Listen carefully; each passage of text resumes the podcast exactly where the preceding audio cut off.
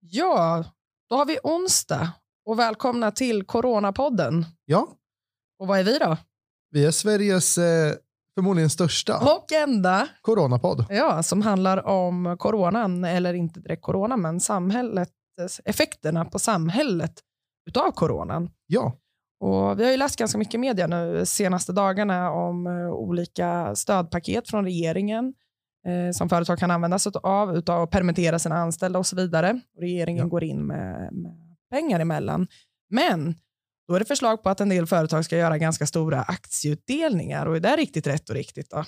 precis. Och vart kommer pengarna ifrån? Ja, det kan man ju undra. Tar pengarna slut nu? Ja. Alla satsningar som görs. Usch, jag blir alldeles svettig. Och det är ju den 25, löningsdag. Och vad passar då bättre än att prata med någon som har riktigt bra koll på ekonomi? Ja, vi ska få ringa upp eh, Bosse Ringholm. Ja, Det är vår tidigare finansminister.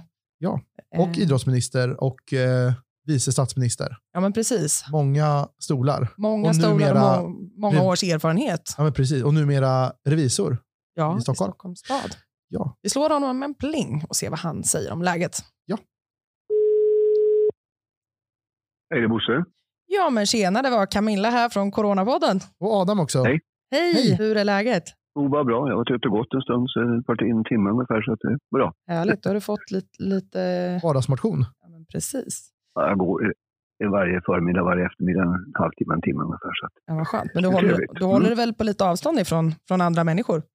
Ja, det är inte så svårt att göra det. De går inte tillräckligt fort. Ju. Ja, springer ifatt dem. Det är ju så här att du Jag är ju... springer, springer snarare ifrån dem nu. Ja. Det är så väl. De Ja. måste springa fatt dem. Det är bra där. Ja. Eh, Du är ju faktiskt i en eh, riskgrupp och bor i Stockholm också. Ja, Ja. det är alldeles rätt. Hur, 70 plus och Stockholm. ja. Hur har du eh, hanterat det då? Jag har följt Folkhälsomyndighetens eh, rekommendationer hela tiden och håller mig oerhört väl informerad vad som händer naturligtvis. Att det här med att tvätta händerna och, inte handla och undvika socialt umgänge och sånt, det står på varenda dörr i huset här i stort sett. Min hustru och jag springer förbi hela tiden i skyltarna. Mm. Ni har koll på läget?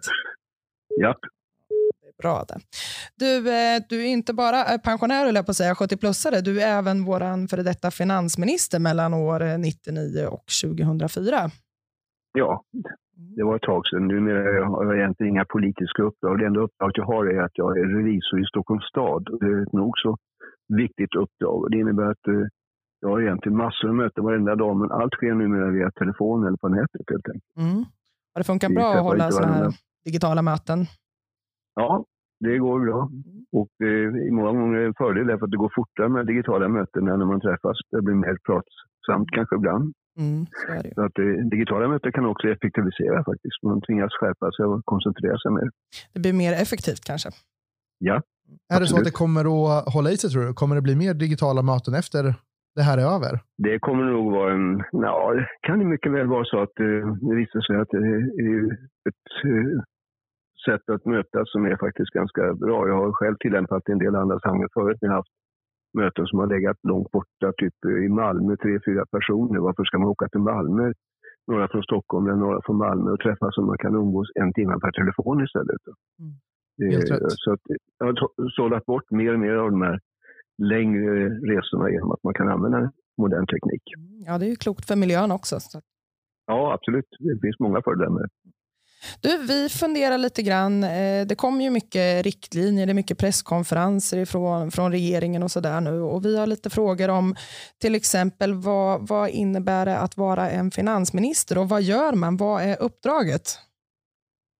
Ja, uppdraget är ju att eh, svara för statens finanser och ha, hålla en sammanhållen bild av statens ekonomi och statens finanser. Och det är väl så att i en regering är det statsministern som är ordförande och den som är ytterst ansvarig. Men i eh, regeringen så finns det ju ett stort antal utgiftsministrar och en enda inkomstminister. Och inkomstministern är just finansministern. Och Helst bör ju utgifter och inkomster inte bara gå ihop utan balanseras på ett sådant sätt att vi har en långsiktig styrka. Och det var, var väl en uppgift för mig, liksom det för dagens finansminister, att se till att det finns ett överskott och därmed finns eh, ett eh, utrymme när det händer saker som ingen hade riktigt kunnat prognostisera som coronakrisen just nu.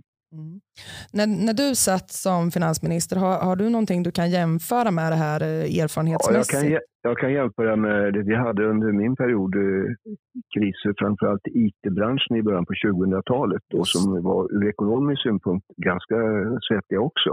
Mm. Men det är klart att kombinationen hälso, hälsobekymmer och ekonomiska bekymmer, den var inte aktuell utan det var mer ett eh, problem kan man säga av nationell och internationell karaktär att hela mark ekonomiska, ekonomimarknaden rasade ihop därför att det kom en IT-krasch i början på 2000-talet som var teknikdominerad.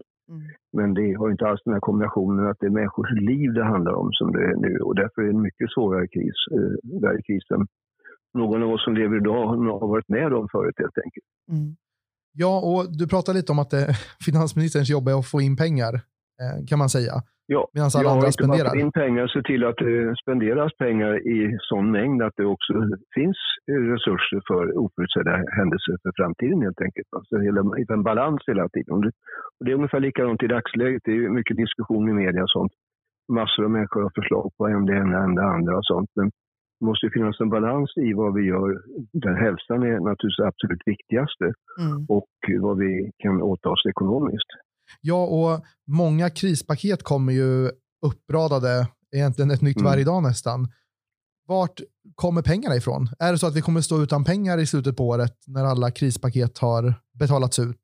Nej, det hoppas jag inte för att då eh, kommer krisen förlängas mycket lång tid framöver och man får nog räkna med att det är en kris som kommer att ha återverkan under kanske flera år framöver. Så det är ingen kris som går över på något halvår eller några månader på något sätt.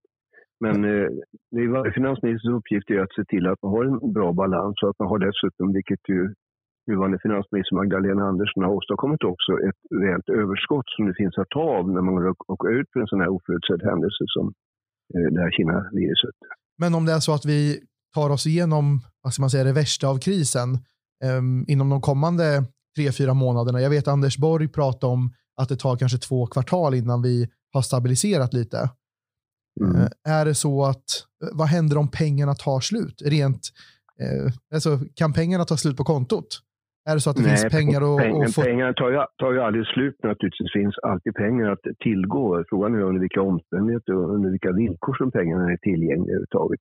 Mm. Om det är en internationell kris, vilket det här är i allra högsta grad en, en global kris, så är risken att det inte bara är svensk ekonomi som får problem, utan många andra länder har kris så påverkar det svensk ekonomi oerhört mycket därför är det viktigt med samarbete över landsgränserna i EU och andra sammanhang så att man kan undvika en global kris helt enkelt under väldigt lång tid. Alltså det, att det kommer att vara en global ekonomisk kris är väl ofrånkomligt en tid framöver men om man ska korta perioden för den så är det bättre med ett internationellt samarbete. Och där tycker jag det som är oroande i dagsläget är att eh, Kina som ju egentligen är ursprunget till hela krisen mm och hela bekymret.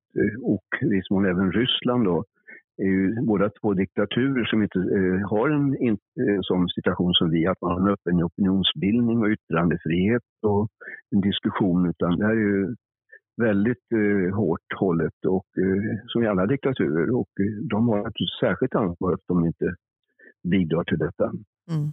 Och man har ju sett, läst idag att eh, Kina börjar klättra uppåt, om man säger börsen där, börjar klättra uppåt ja, nu.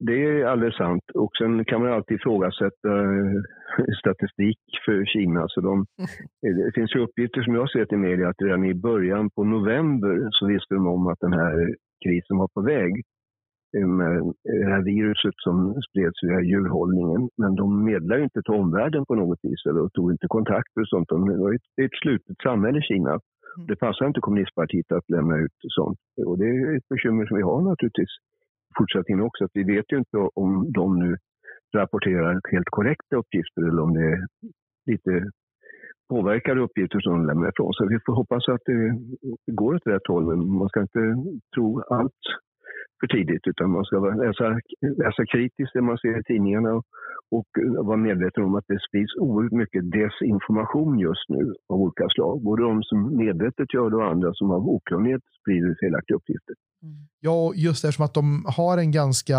eh, vad man säga, utifrån sin egen ekonomi bra sits. Att de är ganska stängda och återhållsamma och kan välja lite, vara selektiva med vad som förmedlas ut. Ja, eh, så har det uppkommit ju... många, eh, de, om det uppkommit många eh, konspirationsteorier. Kan det vara så att Kina har en plan med det här? Eh, ett, ett, en ekonomisk vinning i det på lång sikt?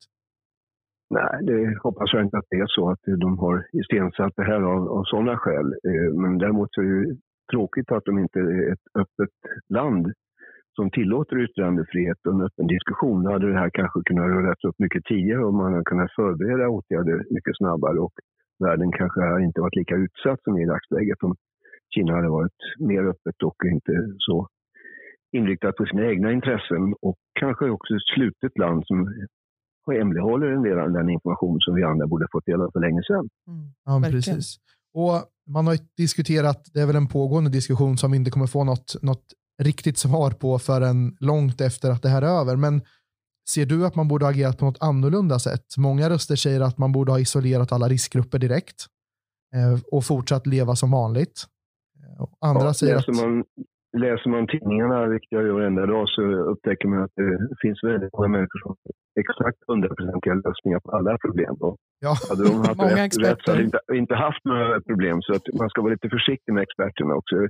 Jag håller mig till de som tycker jag har en kompetens i Folkhälsomyndigheten och mm. statsepidemiologerna och andra som har en, en medicinsk kompetens. Och den ekonomiska delen så jag är glad över att det hittills funnits samstämmighet mellan de politiska partierna, regeringen och även oppositionspartierna om vad man ska göra för att få med insatser. Det tycker jag är väldigt viktigt att man har en sammanhållning i landet kring detta. Och det underlättar naturligtvis också avvecklingen av den här krisen i sinom tid. Har du kikat någonting på presskonferensen som var idag eh, från finansmarknadsministern Per Bolund?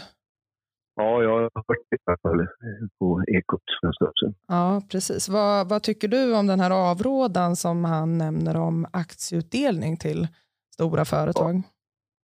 Alltså, varje enskilt förslag brukar prövas på sitt sätt. Så man säga att min grundinställning är att i en kris måste ju alla vara med att dela ansvaret för krisen och dela ekonomiska ansvaret för krisen också. Så att det kan inte bara vara så att de människor som blir arbetslösa eller de företag som får stora ekonomiska svårigheter ska ta sina smällen. Det är rimligt också att eh, både de som sitter på kapital, del av kapitalmarknaden och de som har stora ekonomiska resurser också med betalar kring det här. Mm.